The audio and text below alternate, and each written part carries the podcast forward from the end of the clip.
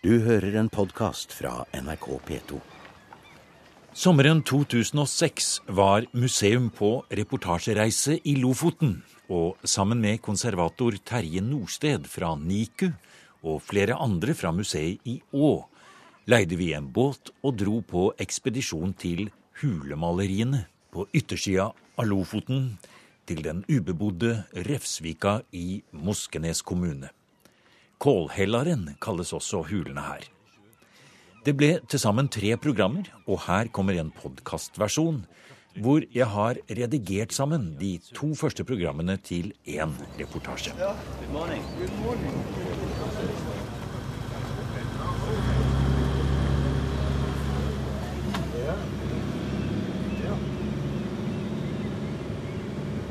Nå eh, runder vi en sånn eh, odde her og ser inn i Refsvika.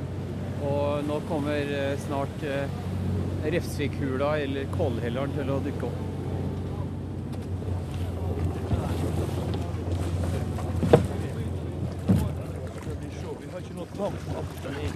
Vi kommer oss greit i land i fjæra. Det er ingen brygge, men vinden er rolig og været godt. Vi følger en smal sti en halvtimes tid over i den bratte Ura, går over en fantastisk sandstrand og begynner å klatre oppover fjellsiden. Har du sett? Der oppe er den gigantiske åpningen i fjellet som må kunne sees langt til havs. Terje Norsted fra NIKU har gått foran og er allerede framme. Altså, eh, fra avstand så, så er det jo som en sånn eh, svær åpning i berget. Eh, spiss oppe. Så vider den seg ut og er tolv meter i I bredden. bredden, ja. Men høyden her Høyden er, er, er veldig vanskelig å måle. Men 40 meter? 50 meter? Ca. 50. Cirka 50. Kjempehøyt oppe. Ja, det er en av de, en av de virkelig monumentale huleinngangene vi har i Norge. Og vi ser hvordan fjellet har sprukket opp. Eller det er to Ja. store blokker som tørner mot hverandre. eller Ja. på en eller annen måte. Ja, Og så har det rast ut og blitt denne store, brede åpningen her nede. ja. Det er akkurat der hvor eh, hula er åpen, Ja. at vi har hatt eh, en sånn, eh, si en sånn ujevnhet i berget som er typisk for forkastninger. Hvor, hvor det er sprekker på kryss og tvers. Og eh, hvor, eh, hvor hav og strandgrus, eh, alt det der har fått tak. Og Og det ligger store rasblokker foran det inngangen her. Det gjør det. Men likevel så er det jo veldig bredt, og det er Ja. veldig stort. Og, og denne 50 meters høyden helt opp til toppen der oppe, det er noe så, men her nede er det kanskje 25 meter høyde, altså Ja. over hodet når man skal gå inn. altså. ja, ja, ja. Så blir det jo smalere innover, det skal vi snart se. Men nå, når vi snur den andre veien, Ja. så ser vi jo, står vi jo og ser utover Ja. havet her. Og øh, brenningen slår like der nede som vi hører. Ja, Og vi har gått opp en mye er det, 20 meter? Eh, Det er mer enn det. Ja. Jeg tror det er 25 i alle fall. Ja. Jeg husker ikke helt eh, høyden over nåværende havnivå, men eh, det er, det er sånn bortimot 25, jeg tror. For dette naturfenomenet det hadde jo vært flott, selv om det ikke er det Ja. som det jo er inni. Eh, og det er jo så eventyrlig at i tillegg til denne fantastiske uttrykket som naturen gir oss her, Ja. Så fortsetter jo dette innover og innover og innover. Ja. Og det er også innover i vår egen kulturhistorie. ja, faktisk. Eh, Det er, I denne hulen så finnes det jo eh, hulemalerier. Altså, eh, hvis vi skal se på dette her som et sånt globalt fenomen, så er malerier i dype huler en stor sjeldenhet på verdensbasis. Og det at vi har, faktisk har ni dype, mørke huler med malerier i Norge, det er et, et utrolig sjeldent fenomen. Eh, Den eneste forekomsten i Nord-Europa. Og noen av disse hulene ligger her i Lofot-området og på, på Røst osv. Ja. Men, men hvor er de andre hen? Altså Bortsett fra de fire hulene i Lofoten, så har vi en i Salten. Og så har vi eh, på Helgelandskysten er det to. Og så er det på kysten av Nord-Trøndelag, Ytre Namdalen, er det to. Ja, Ni i alt. Og dette er nær sagt ekte hulemalerier, slik som vi forbinder med Syd-Frankrike osv.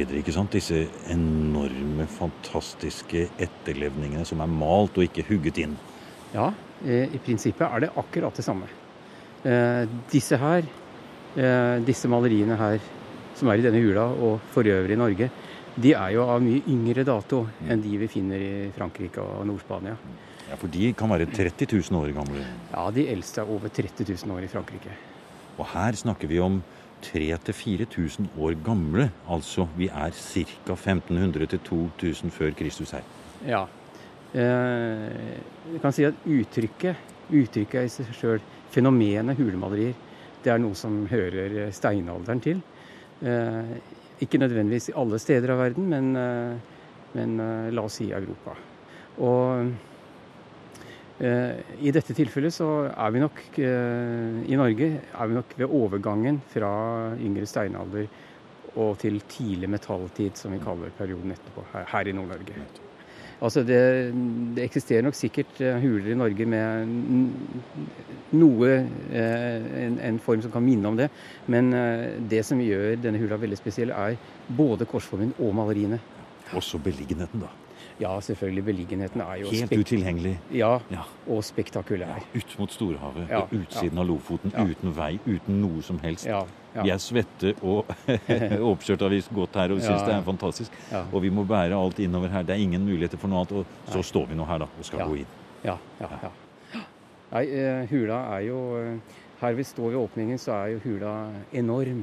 Altså den, den har en uh, den har dimensjoner som er eh, betagende. Altså, det, gjør, det gjør inntrykk på alle som kommer hit. Mm.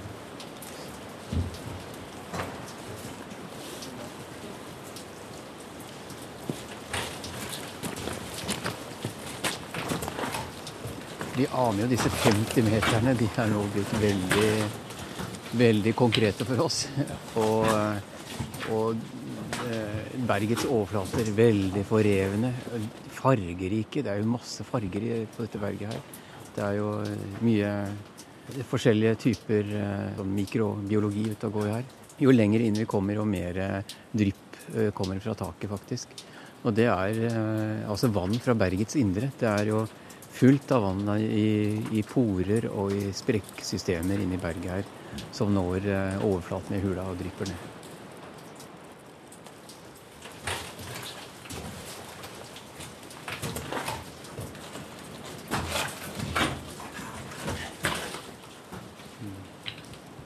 Går litt oppover nå. Fordi at bunnen i grotta stiger oppover litt her. Og vi har ennå dagslyset med oss her. Ja. vi kan snu oss og se åpningen veldig tydelig, for den er jo så kjempestor. Men her ser vi Nå står vi jo faktisk i uh, krysningen mellom disse tre uh, gangene, om vi kan kalle det det. Uh, her mot mm. Hulas eh, retning er jo fra nord, altså nord-sør. Vi, vi, har gått inn fra nord, vi. Vi har gått inn fra nord, ja. Så øste, østre gang her, ja. den eh, ligger jo i, i, begynnelsen så ligger den jo i halvmørke, og så blir den helt mørk innover. Og den, den vestre gangen ja. har en, en, ganske liten, ganske liten inngang og er totalt mørk. Og så har vi eh, Hulas hovedgang, da. Den dreier noe og fortsetter innover. Altså Hele gangsystemet i denne hula er til sammen ca. 250 meter. Det er jo det største eh, hulesystemet med malerier vi har i Norge. Ja. Vi står som i en eh, kirke, ja, og så ja, er det skipet. Ja, det er jo faktisk eh, Armen, korsform. Det har jo, det har jo blitt kalt for en alternativ Lofotkatedral, dette her. Ja. Eh, og når man ser på dimensjonene, den, den, fantastiske høyden og hvordan den brer seg utover, og korsformen og alt det der, så, så er det jo lett å forstå at eh, man kan sammenligne med en katedral. Ja. Og når vi legger hodet bakover og ser oppover, så ser vi i kirken, nær sagt kirkens tak her, eller ja. i hulas veldig høye tak. Så ser vi Det er en sånn, nærmest en slags spis, et spist tak. da, Eh, man kan jo forstå at et sånt, eh, en så stor åpning innover i fjellet, det ville ha trukket til seg oppmerksomhet så sant det har vært i det hele tatt eh, mennesker som har sett det. For det er jo eh, dette med nysgjerrigheten, dette med å gå innover, det mystiske. Ja. Fra lys til mørke, innover i dypet. Eh, og det er jo langs disse dimensjonene du tenker litt når du skal forsøke å forklare hvorfor det en gang ble malt opp eh, figurer inni dette mørket. Ja, altså disse mørke hulene de var eh, nærmest eh, sensasjonelle eh, landskapsformasjoner. Og de må, dette må jo også ses, tror jeg, i en, en sammenheng med hvordan man så på landskapet. At, eh, at eh, landskapet representerte eh, forskjellige nivåer i tilværelsen. At man hadde himmelen over seg. Man hadde landskapet over jorden. Og, og dette her representerte det underjordiske. Jeg tror nok at religiøse forestillinger spiller en viktig rolle her. Man hadde nok et, et syn på tilværelsen, hvis man skal trekke til paralleller med jeger-sanker-mennesker rundt omkring i verden. Enten de har vært, eh, levet nær vår egen tid, eller de har levet i en fjern fortid. Så, så ser det ut til at eh, det har vært eh, gjengs at man har sett på, på tilværelsen i, som, som, tre nivåer. En, en, oververden, en mellomverden og en underverden. Og i oververden bodde det altså høyere guddommer i, i eh, mellomverden. der var de, de levendes, eh, det var der de levendes tilværelse fant, befant seg. Og så hadde du underverden, hvor man dypt nede hadde dødsriket. Ja. Og det er klart at uh, man kan tenke seg at hulene på sett og vis kan ha representert en type portaler inn til, uh, inn til underverdenen. Skal vi gå inn gjennom en sånn portal? Ja, altså Eh, det, det, er jo det vi allerede gjør. Eh, men det, jeg tror det er en, en, ting til som er litt viktig å, å påpeke. Det er at eh, landskapsformasjoner som er litt sensasjonelle, for å si det sånn. og for dem det, har det vært knyttet spesielle forestillinger. De har vært ansett for å være en type kraftsteder hvor åndelig kraft har vært samlet Eh, det har vært en slags eh, ja, kraftpunkter i landskapet. og og det er jo ofte der man finner også, som ja, vi har vært inne på, annen type bergkunst. Ja, eh, ja, ja nettopp, nettopp, Sannsynligvis så, så, spiller bergkunsten en sånn rolle som forsterkning av kraftstedene. Og det tror jeg er tilfellet akkurat i denne hula her, og i de andre hulene for, for så vidt også. Nei, men Vi kan uh, ta en tur inn i Men da må vi ha lys? må vi ikke? Ja, da ja. skal vi ta tenne litt lys her. Og Du har en hodelykt eh, med deg her, for ja. her er det strengt forbudt med fakler, åpen ild, andre ting som kan ødelegge ja. nær sagt eh, den luftens si, både innhold av farlige stoffer og andre ting. For dette er det skjøre ting. Altså. her er det ikke bare å gå inn og Ja, dessverre så har, har folk gått inn med fakler i i flere huler. Og vi ser uh, typiske sånne sotflekker etter fakler. Folk har gått inn med stearinlys som har dryppet og alt mulig sånt. Det, sånt skal jo ikke, egentlig ikke forekomme. Men nå har vi elektrisk hodelys ja, ja. som du tar på her nå. Ja. Og da går vi innover. Og her skråner det sterkt oppover. Ja, det gjør det. Og her er det også mye Her er det mye. Å! Ah, allerede rett ja. inne i det første ja. eh, halvmørket vi kommer inn i, ja. så kommer figurene frem fra fjellet her. Og det er eh, det vi kan kalle for strekfigurer. Altså menneskefigurer med tydelige ben, armer, kropp og hode. Og det er jo ikke bare én. Nei da, det er faktisk eh, alt i alt 18 figurer her. Menneskefigurer. Og de eh, Eh, alle, alle er tydeligvis eh, eh, sett forfra, unntatt én som muligens kan være sett fra siden, men den, den, kan, den kan, også misforstås noe, så det er litt usikkert. Men, og disse figurene er ikke så veldig høye, egentlig. De nei, er, de er en, den, den, høyeste er 49 cm. Ja, nettopp. Ja. Og nå går vi litt nærmere her, ja.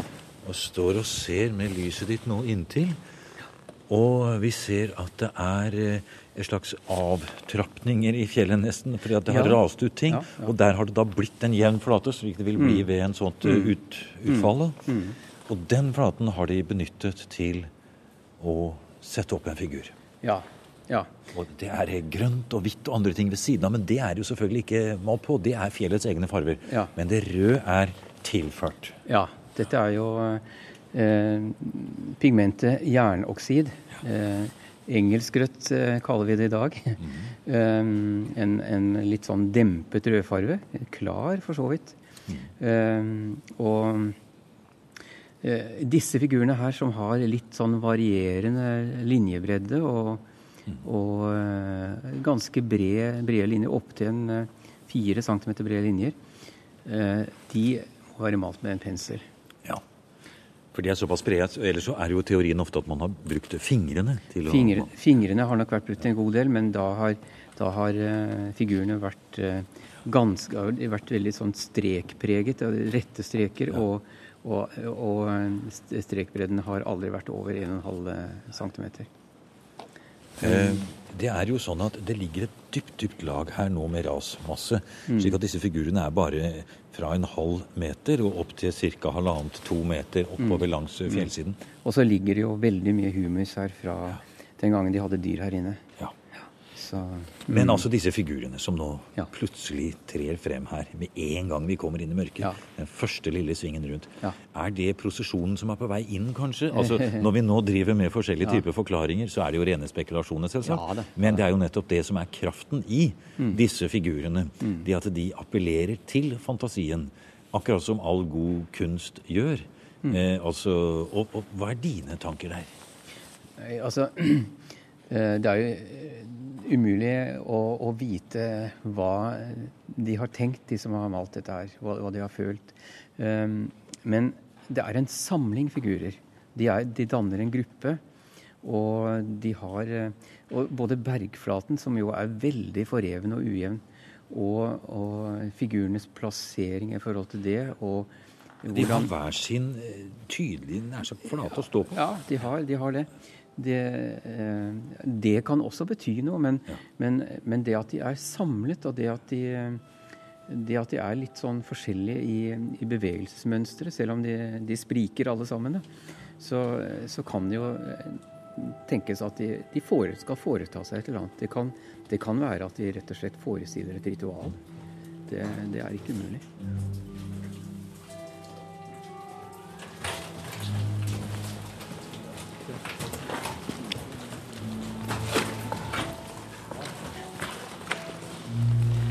Når vi skal inn her, så må vi være litt årsomme. Ja, og her er det en trang åpning. For her kryper Terje Nordsted foran med hodelykta inn i den andre store armen i Kollhelleren. Innover til nye hulemalerier i Refsvikhula i Lofoten. Går vi over Riksantikvarens sperrelinje, han er derfra. Skal vi se. Der skal vi inn i det dypeste og innerste mørket. Og vi må passere et utrolig bilde av en 3000 år gammel sjaman på fjellveggen. Og nå lyser du bort på fjellflaten her. Skal, vi, skal jeg gå litt lenger ned her, ja, så vi kommer inn i mørket? Det er denne figuren Det er ikke så lett å, å skjønne den sånn med en gang, men en ganske lang kropp. Ja. Og så er det et utfall her før ja. eh, hodet kommer eh, ganske høyt oppe der. Og så eh, er det litt vanskelig å se hva som skjer foran her, men det, det som faktisk er tilfellet, er at den, den holder, holder en, den holder en stang. Ja. ja. Og eh, slike dyrehodestenger, det er faktisk et attributt for sjamanen. Nei, nei, nei. Der er det sjamanen som det, går inn. Det spørs om det ikke her er en sjaman som rett og slett eh, leder et ritual. Hvis vi hadde slått av alt lyset og bare stått her ja. i mørket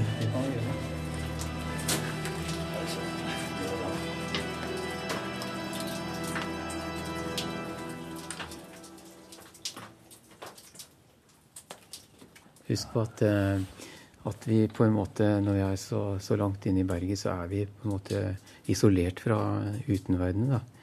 Det er jo helt mørkt her inne. Eh, det er jo stille. Er, vi kan muligens ane suset fra bølgen utenfor. Men, eh, men det er Ja, ellers Det, det, det andre innslaget av lyd er jo selvfølgelig dryppet, dryppvannet fra taket. Ja. Men ellers er det jo Vi er jo helt isolert her inne. Det er jo en, på mange måter en, en ganske skremmende verden, da. Du har jo tenkt litt over akkurat det med det kunne ha vært akkurat hit mm, mm. prosesjonens leder ja, til slutt ja, ja, gikk for å forhandle med døden. Ja, altså eh, Vi har jo eh, forestillinger f.eks. For i den gamle, gamle, samiske regionen at, eh, at når et menneske ble dødssykt, så var det fordi åndene i dødsriket ønsket å hente denne personens sjel ned til seg. Og det som var viktig for sjamanen, var jo å berge denne sjelen, få denne sjelen tilbake igjen. Og det krevde altså en, en, en reise til dødsriket, en, en, slags eh, sjelereise til dødsriket for sjamanen. Og det, det fordret jo at uh, sjamanens sjel ble løsrevet fra, fra, kroppen. Dette foregikk jo i transe. og vi vet fra andre deler av verden at uh, slike handlinger, uh, berging av sjeler, at det foregikk uh, aller innerst i huler. Vi har flere eksempler fra huler i Latin-Amerika f.eks. Hvor, hvor, hvor, det er gjort funn som settes i forbindelse med slike, slike handlinger som det. Eh, det. det. er også mye fortellinger om dette her som eksisterer eh, på folkemunne i Latin-Amerika. Men eh, om, om det, dette har skjedd her er, Det vet vi ikke. Det vet vi ikke, Dette er en hypotese. Det vi vet, det er at å gå så dypt inn i denne Eh, hula her på utsiden av Lofoten og følge brenningenes fotspor, nær sagt, mm. og gå flere tusen år tilbake tid i menneskelig kulturhistorie og se mm. figurene på veggen. Vet at noen har gått akkurat denne veien her i et kulturelt og religiøst eh, ærend. Ja. Det gjør at vi føler oss litt spesielle her. Ja, ja. Og det er, jo, det er jo viktig tenk på det at uh, denne hula er jo faktisk åpnet for for turisttrafikk er sterkt regulert på, på den måten at, eh, at, det er eh, bare grupper ifølge med guide som har adgang hit. Det å mm, forsøke å formidle hva denne hula egentlig har betydd, at den er et såkalt hellig sted, det tror jeg er veldig viktig også. For, å, for at folk skal mm, forstå hvordan de skal oppføre seg, hvordan hvordan, de, hvordan, dette må bevares for etterkommerne. At, at, man skal være varsom på alle mulige måter for at dette skal Altså Hulas både materielle og immaterielle verdier skal kunne føres videre. Det tror jeg er veldig viktig. Du har nå hørt en podkast av programmet Museum fra NRK P2. Og send gjerne en e-post til museum krøllalfa nrk.no.